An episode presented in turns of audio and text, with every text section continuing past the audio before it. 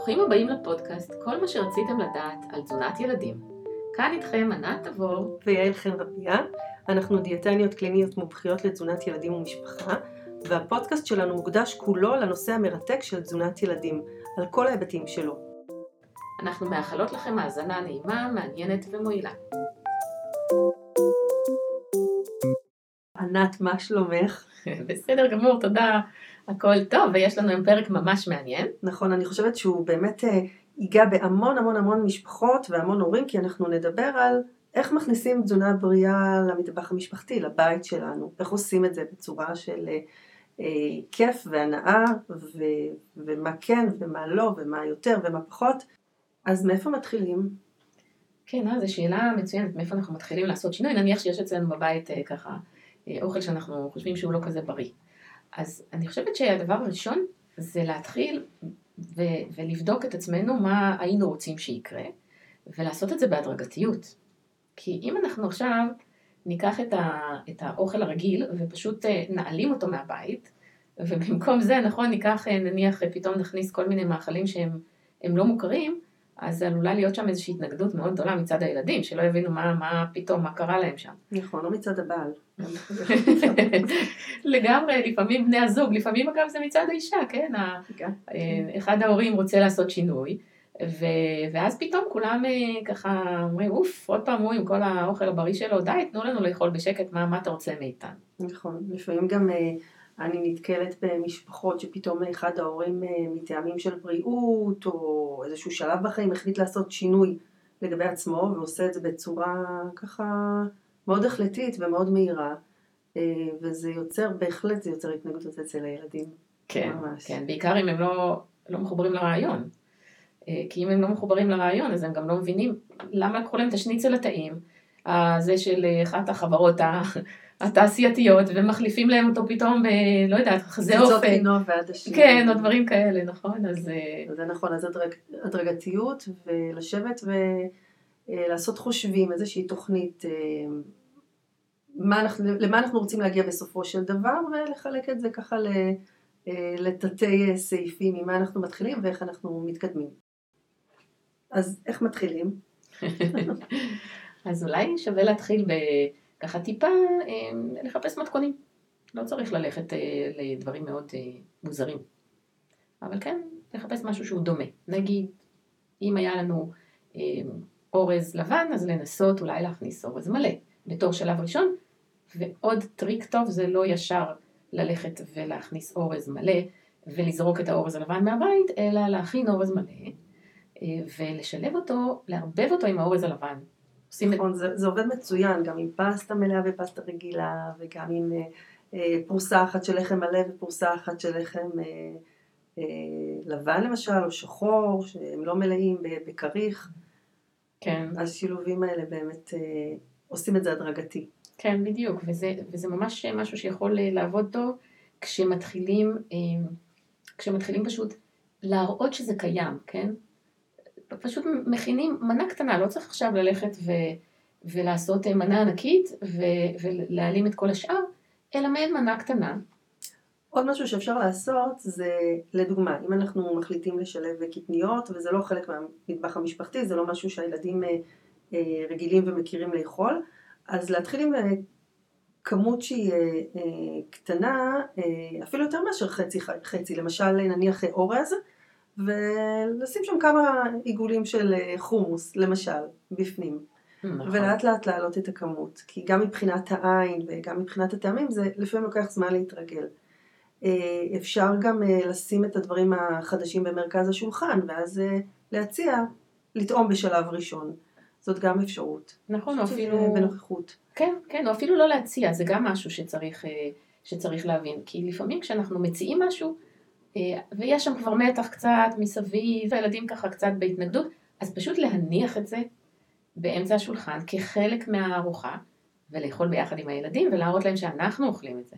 כן, אז אם אתם למשל מכינים תבשיל ולא מסוגלים להכניס אותו לפה, אבל דורשים מהילדים שיאכלו, אז נכון, בתור הורים לא כדאי שנעשה את הדבר הזה. את בעד כשעושים אה, שינוי משפחתי לבית בריא יותר, אה, אה, לשתף את הילדים, לעשות איתם שיחה, או פשוט, מה שנקרא, פחות לדבר ויותר לעשות?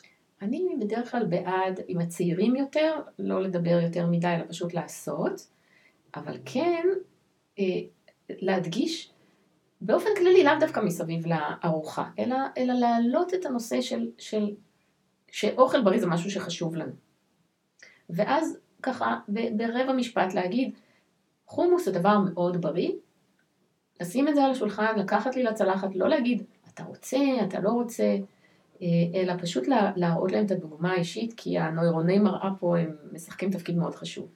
וזה עובד מאוד מאוד טוב כשהילד, אה, כשאין מתח, כן? אז אם יש מתח וכבר ניסינו להכריח את הילדים לאכול ולטעום והם לא רצו, ואנחנו אמרנו להם, כן, אתם צריכים, זה מאוד טוב לכם וכאלה, אז כשזה שם זה עובד פחות טוב.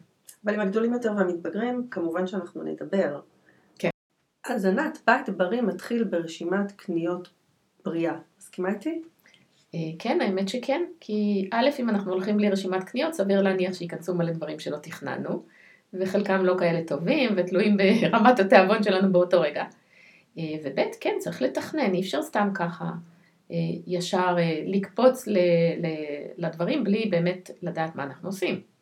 אז מה כדאי לקנות כדי שבארונות יהיו פרודוקטים בריאים?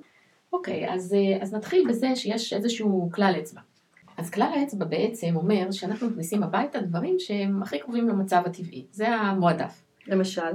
למשל פירות וירקות. כן, במקום עכשיו אה, לקנות מיץ פירות, אז אה, להביא הביתה פירות שלמים. והדבר הנוסף זה למשל כל מיני מוצרי בשר ודגים וכך הלאה, שהם בעצם באים גולמיים ולא כאלה שכבר עבדו, עברו עיבוד. אה, אז אה, למשל זה יכול להיות אה, פשוט נתחים של עוף וכך הלאה, ולא עכשיו לקנות שניצל מוכן, שמישהו כבר עשה עליו כל מיני מניפולציות וכבר קלקל אותו. ואחד הדברים המאוד מאוד חשובים הנוספים, שזה בעצם המשפחה של דגנים מלאים וקטניות. שהיום, עם כל המחקרים החדשים, אנחנו יודעים די בוודאות שהם משפרים את הבריאות לטווח ה... גם לטווח הקצר וגם לטווח הארוך. אולי נפרט מה, מה הם הדגנים המלאים ומה הם הקטניות? אה, אוקיי, אז דגנים מלאים זה בעצם אה, כל מה שקשור אה, לאותם דברים שגדלים על שיבולים, שזה אורז, וזה חיטה, וזה שעורה שזה גריסים, ושיבולת שועל, קוואקר. אנחנו גם מכניסים ככה פחות או יותר את הקינוע בקטגוריה הזאת, קוסמת, דוחן, למי שיודע מה זה, אלה בעצם אה, דגנים. וכשאנחנו מדברים על אה, קטניות, אז אנחנו מדברים על כל מה שגדל בתוך תרמילים, שזה אפונה וכל סוגי השעועית עם כל הצבעים. מאוד מאוד כדאי לגוון גם בצבעים אה, של השעועית, וזה גם עדשים צבעוניות מכל הסוגים, ופול, וחומוס. פספסתי משהו? סויה. תורמוס. כן, תורמוס זה ככה למתקדמים. מתקדמים מאוד, כן. כן, אז כל הדברים האלה הם, הם בעצם גדלים, כמו שהם גדלים, הרבה פעמים את הקטניות אנחנו בדרך כלל באמת מכניסים כמו שהם. ולכן כדאי לגוון בצבעים, כי כל צבע מכיל איזשהו חומר בריאותי קצת שונה, ואיכות בריאותית אחרת. אבל אה, את, ה, את הדגנים דווקא אנחנו נוטים אה, אה, כן לעבד. למשל, לוקחים את האורז המלא, ומקלפים אותו, ואז אנחנו מקבלים אורז לבן שיש בו הרבה פחות סיבים תזונתיים והרבה פחות ויטמינים והרבה פחות מינרלים כמו למשל ברזל ואבץ וסידן. מה לגבי פסטה? אז פסטה היא סוג של אה, דגן כי זה עשוי מחיטה, אבל פסטה היא קצת, היא לא מאוד רחוקה מהמצב הטבעי, אבל היא עדיין לא כמו חיטה שלמה. כי מה עושים? לוקחים את החיטה ומקלפים אותה וטוחנים אותה ובעצם עושים ממנה את, הבצק הזה של הפסטה ומייבשים אותו, ואורזים את זה ושמים את זה על המדף. אז כבר הרבה אה, מהדברים הטובים נעלמו שם בדרך. שוב, אותם ויטמינים, מינרלים וסיבים, הרבה מהם כבר לא קיימים. וחוץ מזה יש עוד נקודה נורא חשובה להכיר, שככל שאנחנו אוכלים דברים שכבר עברו איזשהו תהליך של אה, אה, עיבוד, בעיקר כשזה נוגע באמת, אה, נגיד, לחיטה, שיש לנו בלי סוף מוצרים שעשויים מחיטה הרי. חיטה היא מרכיב מאוד משמעותי בתפריט.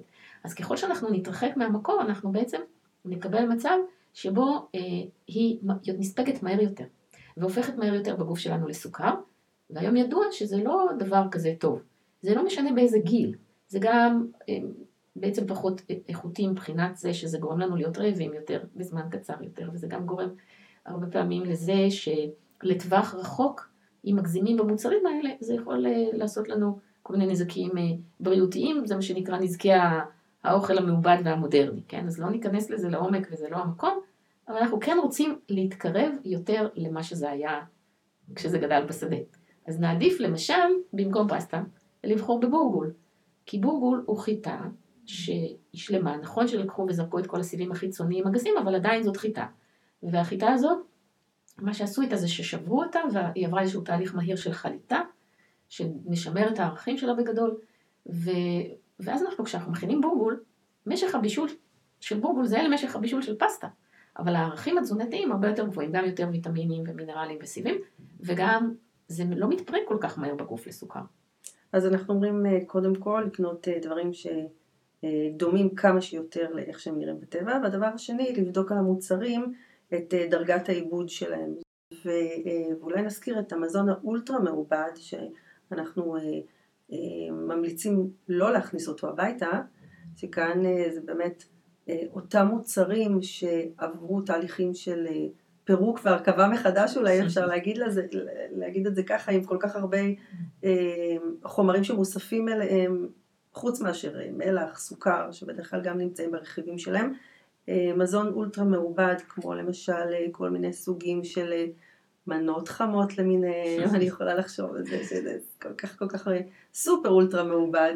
כן, כן, או, או למשל, אה, או למשל נקניקים, כן, זאת הדוגמה, ונקניקיות, זאת אחת הדוגמאות הכי אה, נגיד אה, מזיקות, שאפילו ארגון הבריאות העולמי יצא בהכרזה שמומלץ להמעיט כמה שיותר באכילה של מוצרי בשר מעובדים בסגנון של נקניקים, נקניקיות וכך הלאה, כי זה ממש הוכח כמסרטן. זאת אומרת, אפילו ארגון הבריאות הכי, זה, שזה אחד הארגונים הכי שמרנים והוא אף פעם לא יפרסם שום דבר אם הוא לא הוכח ככה, אפשר להגיד מעל כל צל של ספק, אז אפילו הוא יצא בהצהרה כזאת. כלומר, אם אנחנו לוקחים את הדוגמה אחת הדוגמאות הקיצוניות לאוכל מאוד מזיק זה באמת מוצרי בשר מעובדים.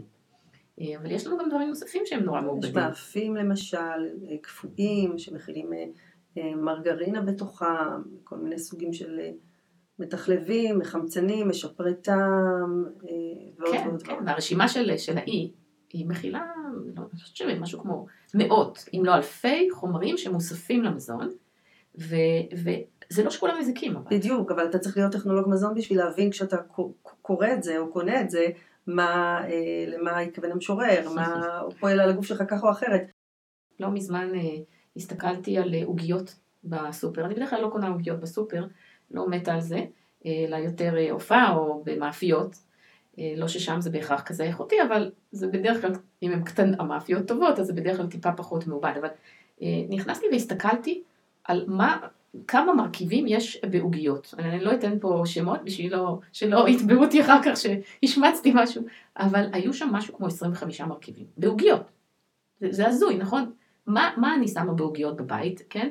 קמח, אה, שמן או חמאה, סוכר, תמצית וניל, לפעמים כל מיני דברים כמו אגוזים וזה, אה, ביצים. זהו. עכשיו, כשאת מסתכלת על עוגיות, אה, נגיד סתם צ'וקלד צ'יפס כאלה של כל מיני חברות אה, שבדרך כלל מייבאים אגב מחו"ל, לא שבארץ חסרים, אבל אלה מייבוא הם הרבה פעמים מארצות הברית, הם עוד יותר מעובדים מאשר מה שקורה בארץ. מקבלים רשימה שם של, של, אני לא יודעת, 25 חומרים, אני הייתי בהלם, מה כבר אפשר להכניס? אז הייתה שם רשימה של... מה שנקרא אלף האיים, רשימת אלף האיים. הגדול, אלף, בדיוק, רשימת אלף האיים, כן, חומרי אי, למי שבמקרה לא מכיר, אז האי זה ואי זה, זה, זה כל מיני חומרים שהם רשומים כ... כתוספי מזון, לא במובן של תוספי תזונה אה, שלוקחים כמו ויטמינים, אלא תוספים למזון שהם אה, בתעשיית המזון, ו, ואנחנו לא רוצים את הדבר הזה, כי, כי סתם דוגמה, כן, עוד לאיזשהו נזק, כן, חוץ מהעובדה שחלק מהדברים האלה עלולים להיות מסרטנים, שוב, בלי, בלי הפחדות, אבל, אבל ככה, אלה העובדות. אז, אז דוגמה לחומרים שהם לא טובים, זה למשל צבעי מאכל, כן? סינתטיים. אה, סינתטיים, כן. לא קורקום כצבע מאכל, אלא, אלא צבעי מאכל סינתטיים אה, למיניהם, אה, שהוכחו גם הם ככאלה שממש פוגעים בבריאות. עוד דוגמה לדברים שלאחרונה עלו לכותרות זה מתחלבים. מתחלבים, התפקיד שלהם זה לייצר איזשהו מרקם אחיד במזון, ומייצבים. ופעם אמרו, טוב, מה יכול להיות רע במתחלבים? ולא כל כך מזמן יצאו מחקרים שהראו שמתחלבים פוגעים באוכלוסייה של החיידקים הטובים במעיים, והם בעצם משנים את הרירית של המעיים שלנו. והדבר הזה יש לו השלכות מאוד משמעותיות שאפילו אין לנו מושג עדיין מה הן על, על הבריאות הכוללת, כי האיכות של חי, החיידקים הטובים במעיים היא משפיעה על, על הכל בחיים, אוקיי? על, ממש על הכל, כולל על תגובה חיסונית ודברים שאפילו לא היינו מעלים על דעתנו. אז יוצא שכשאנחנו מכניסים את כל החומרים האלה שאנחנו אפילו לא יודעים מה הם עושים, סביר להניח שזה לא בריא לנו. אולי זה לא מאוד מזיק בחלקו, אבל בוודאי שזה לא משפר את הבריאות שלנו. אז כמה שפחות מזה, ככה טוב יותר.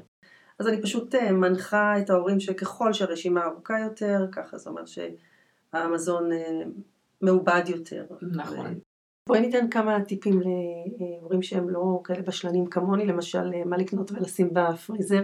אצלנו הפריזר מלא מלא מלא בנקטים, אה, בעיקר של קטניות וירקות, של פירות חתוכים שאפשר להכין מהם שייקים, ואני חושבת שזה משהו שמאוד מאוד מאוד מקל עליי לנהל בית בריא במינימום זמן.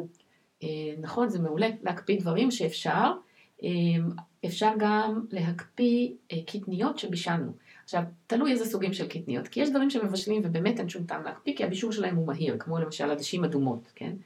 אבל כן אפשר בהחלט להקפיא, נגיד שועית, שלוקח הרבה זמן להשרות, ואז לבשל אותה כמה שעות, או למשל גרגירי חומוס, אז אנחנו פשוט יכולים לקחת פעם אחת אה, בכמה זמן, ולדאוג לזה שחלק ממה שבישלנו, להקפיא אותו. אני מקפיאה ממש בשקיות סנדוויץ', יחד עם המים של הבישול, וכל פעם שאני צריכה, נניח, להוסיף לאיזשהו תבשיל או למרק או דברים כאלה קטניות, אז אני פשוט שולפת שקית של נניח שועית אדומה שהקפאתי, עם הנוזלים של הבישול, שמה את זה במים חמימים, מרוקנת את התוכן של השקית, שמכילה אולי איזה כוס, וזהו, במקום להשתמש אה, בכל מיני שימורים. וזה גם לא בלתי אפשר להשתמש בשימורים, תלוי איזה סוג של שימורים, אבל תמיד עדיף אה, לעשות את זה בבית, זה גם, אה, לכי תדעי מה מכילה הקופסת, אה, הקופסה של השימורים, כן, זה עומד בתוך מתכת, אז נכון שיש שם ציפויים וזה, אבל עדיין אה, מה שבישלת בבית והקפאת לבד, זה הרבה פעמים, באמת את יודעת מה יש שם, במאה אחוז. הקפאה זה באמת משהו גאוני, לבשל ולהקפיא. כן. אפשר אה, להקפיא אפילו... אה, אה, פטרוזיליה קצוצה, ננה קצוצה, דברים שאנחנו, שזה לוקח לנו הרבה זמן לעמוד ולהכין אותם בזמן אמת, נכון. אה, להכין את זה קפוא מראש בכמויות, ושזה יהיה מוכן לנו לשעת הבישול, זה מאוד אה, מקצר נכון, את הזמן. או לקנות כאלה קפואים קטנים, זה גם בסדר, למרות שלדעתי הם הרבה פחות טעימים מהטבעיים, אבל למרקים זה עובד מצוין, זה לא כן. יעבוד לסלט, אבל זה יעבוד מעולה למרק. וגם לגבי הנושא הזה של, של ההקפאה, אז אפשר להקפיא גם דברים מוכנים שהכנו, כן? כלומר מנות מוכנות. ולא לקנות, נגיד שעשינו, לא יודעת, איזה שהן אה, קציצות אה, או פשטידה, פשוט שמים חלק, מפרישים חלק לפעם הבאה, ואז במקום שהילד שחוזר הביתה ואין אוכל, מה שקורה מדי פעם, במקום שהוא ישלוף מהפריזר משהו פחות בריא כמו שניצל תעשייתי, אז הוא יכול לשלוף אה, את הקציצות שהקפאנו, את השניצלים שהקפאנו, או מה שזה לא יהיה. אה, וזה יכול לקצר המון פעמים תהליכים. עוד משהו שרציתי להגיד, זה שמאוד לא מומלץ לבשל רגע לפני שאוכלים, בצהריים למשל, אה, אלא אם כן יש למישהו ממש מלא זמן. אבל אם נגיד אנחנו חוזרים הביתה, אה, בצהריים, כבר עם הלשון בחוץ אחרי יום עבודה, והילדים חוזרים והם מורעבים ואין מה לאכול, ואין אוכל מוכן, אז בדרך כלל סביר שהם לא יאכלו את האוכל הכי בריא, או שאנחנו נרצה להכין משהו הכי מהר שיכול, שנוכל, ואז הוא יהיה אולי פחות, מבחינה בריאותית פחות איכותי. אז כדאי להכין יום לפני את האוכל של היום אחרי, ולא באותו היום את אותו אוכל שאנחנו נאכל באותו יום. זה בדרך כלל מלחיץ מאוד. אלא אם כן יש לך המון זמן ואת עובדת בבית, עקרת בית. נכון. וכל הזמן שלרשותך. כן, כן, אם את בבית וזה מה שבא לך לעשות וזה כיף לך, אז נפלא, נהדר, רק שהיום הרבה מדי משפחות הן לא, לא מתנהלות בצורה כזאת. את כל הבשרים למיניהם, או את כל הביונד מיט יש עכשיו, את כל התחליפים מהצומח, אני גם ממליצה אה, כמה שפחות לצרוך, אה, כי בכל זאת אלה אה, מוצרים שהם תעשייתיים, אז זה באמת SOS, ואם אפשר, אז אני חושבת שאם אין, אז אתה תמיד מוצא איזשהו משהו בריא להכין באותו רגע. ברגע שאתה לא מכניס את הדברים האלה הביתה, התזונה שלך היא ללא ספק תהפוך אה, הרבה יותר בריאה מאשר אם יש את זה בבית ואז אתה מתפתה להוציא את זה, או כשאתה חוזר מאוחר ואין לך זמן להכיל לילדים, או שהילדים חוזרים ומכינים את הדברים האלה. זה צריך לדעת את זה ולקחת את זה בחשבון. נכון, מה, ש, מה שיש במקרר ובמזווה זה מה שאנחנו נאכל בדרך כלל. ולא בטוח שזה יהיה בתדירות נמוכה, זאת אומרת, הרבה הורים שמגיעים אומרים, טוב, נו, אני שומר את זה רק באמת, ל... אם, אם קורה וכאשר, אבל כשזה נמצא פעמים רבות, זה מוצא את הדרך שלו להכנה הרבה יותר ממה שתכננו. נכון, זה בדרך כלל קורה. נכון, לא, ש, לא שאנחנו בהכרח רוצות להיות קיצוניות פה, כן, ולהגיד, אל תכניסו בכלל, אבל להשתדל פחות. בסדר? זה עניין של מינון, זה לא שחור לבן. גם אני יכולה להגיד לך שבתור אה, אימא לטבעונית, אה, שהייתה כמה שנים אה, טובות טבעונית, הבת שלי, קצת נשברה לאחרונה, אבל היא בפירוש שמרה על טבעונות תקופה. לפעמים נורא מתגעגעים לטעם של נגיד ההמבורגר או משהו כזה, אז זה בסדר לקנות המבורגר כזה שעשוי מכל מיני תערובות של אני לא יודעת מה אפילו, על בסיס חלבון אפונה או כאלה, זה בסדר, אבל, אבל באמת לזכור שהדברים האלה מעובדים וזה לא משהו שאנחנו רוצים לצרוך אותו על בסיס יומיומי. לפעמים כשמוכרים לנו דברים בתפזורת, זה לא כתוב עליהם שום דבר, ואז אנחנו משלים את עצמנו שזה בסדר, ותכל'ס זה יכול להיות, אה, יכולים להיות דברים לא טובים. אז גם להיות אה, ככה עם איזושהי ביקורתיות לגבי מה אנחנו כן מכניסים, ומצד שני כן לדאוג לזה ש, אה, שלא יהיה תחושה בבית של אוקיי, זה אסור וזה אסור וזה אסור, ואז בסוף יוצא שאנחנו מרגישים, או לפחות הילדים שלנו, מרגישים מקופחים, שלמה, כאילו שואלים אותנו, למה, למה אצל החבר אוכלים זה וזה וזה, ואצלנו לא מכניסים את זה הביתה. אז אנחנו לא רוצים ליצור תחושה של חסכים, נכון? יש משהו שמשפיע יפה על ילדים, אה, זה כשלוקחים אה, צנצנות, ומסדרים על המזווה ופשוט אה, שמים בצנצונות האלה כל מיני סוגים של אה, אגוזים, אה, גרעינים, קטניות בכל מיני צבעים, אז זה, זה, זה גם אסתטי וזה גם מרגיל אותם לראות את זה ולראות שזה חלק מהתזונה בבית ואלה גם דברים בריאים שכדאי שיהיו. וואי, זה רעיון ממש מעולה, לשים את זה ככה בצנצנות צבעוניות. אה, וזה גם, אה, האמת שזה גם הזדמנות אה, אולי לדבר עם הילדים ולהגיד להם שהצבעים שבטבע הם נותנים לנו דברים טובים לגוף, וזה נכון, כי כשאנחנו מדברים על ירקות, אז כל צבע של ירק מכיל בתוכו נוגדי חמצון אחרים וכל מיני חומרים שהם ממש טובים לבריאות שלנו. בניגוד לסוכריות, שהצבעים הסינתטיים שלה, שיש שם, אז הם דווקא פוגעים בבריאות שלנו. אז לא הייתי מדברת הרבה מדי על מה לא טוב, אבל הייתי כן מדברת על מה טוב. מדגישה את הטוב ונותנת איזושהי מוטיבציה שהיא מוטיבציה דרך השכל של למה כדאי לנו לאכול אה, לא רק צבע אחד של ירקות ופירות, אלא לגוון בצבעים. ואפילו ממש אפשר, אה, עוד דרך מאוד טובה שעובדת על ילדים, חוץ מהצבעוניות היפה שהם שמים אותה מול העיניים, זה, זה גם אפילו להגיד מדי פעם משפטים כאלה שהם מתיים אגב, למשל, הצבע האדום של העגבנייה ושל האבטיח, כן, הוא טוב ללב, והוא טוב לעיניים, וזה נכון, הליקופן שיש בעגבניה, אה, הוא, הוא באמת נוגד חמצון שמשפיע טוב על שריר הלב ועל כל מיני תהליכים ש, ש, של הלב, וזה הוכח כממש משפר את הבריאות של הלב, וגם זה הוכח כטוב אה, לבריאות של העיניים, הצבע האדום הזה של ליקופן. אז אנחנו יכולים להגיד לילדים, כמובן תלוי בגיל, כן? אבל אה, להגיד להם משפטים כאלה ממש קצרים ונחמדים על, על האיכות הבריאותית של כל מיני מאכלים. ענת, אז לפני שאנחנו מסכמות, אה, חשוב לציין שהכנסה של אה, תזונה בריאה הביתה היא גם מה אנחנו קונים, מה אנחנו מבשלים, איך אנחנו מבשלים, אבל גם ליצור כללים ולשים לב לאיך אנחנו אוכלים. זאת אומרת שיש ארוחות מסודרות, שיש מרווחים בין הארוחות, שיושבים לשולחן באווירה נעימה, לא עושים בנחת. זה, זה חלק מהעניין. נכון, אוכלים בלי, בלי טלוויזיה כמה שאפשר, ובלי כל מיני מסכים מול העיניים. אה, ובלי לחצים, תאכל, אל תאכל, כל הדברים האלה, זה גם כמובן חלק בלתי נפרד אה, מהתזונה הבריאה, אה, כי כשאנחנו לא מקפידים על כל המסביב, אנחנו הרבה פעמים מגיעים לתזונה לא בריאה, גם אם התכולה של הצלחת היא בסדר, אבל תמיד יהיו שם בסוף עניינים נלווים, אז, אז צריך תמיד לזכור שהמה הוא רק חלק מהתמונה הכוללת ולא התמונה השלמה. ואני חושבת שבזה אנחנו יכולים להגיד שפתחנו נושא מאוד מאוד רחב, מאוד גדול, ובאמת נושא שאפשר לדבר עליו רבות, ולכן אנחנו נמשיך לדבר על עוד המון נושאים בפודקאסטים הבאים שלנו. אנחנו גם ממש נשמח אם תשתפו את הפודקאסט הזה עם אה, הורים שנראה לכם שזה יעניין אותם, זה יעזור לנו להפיץ את, ה, את המסר של התזונה הבריאה הלאה. אה, והשפויה כמובן, לא רק תזונה בריאה, גם תזונה שפויה ופרקטית ומעשית.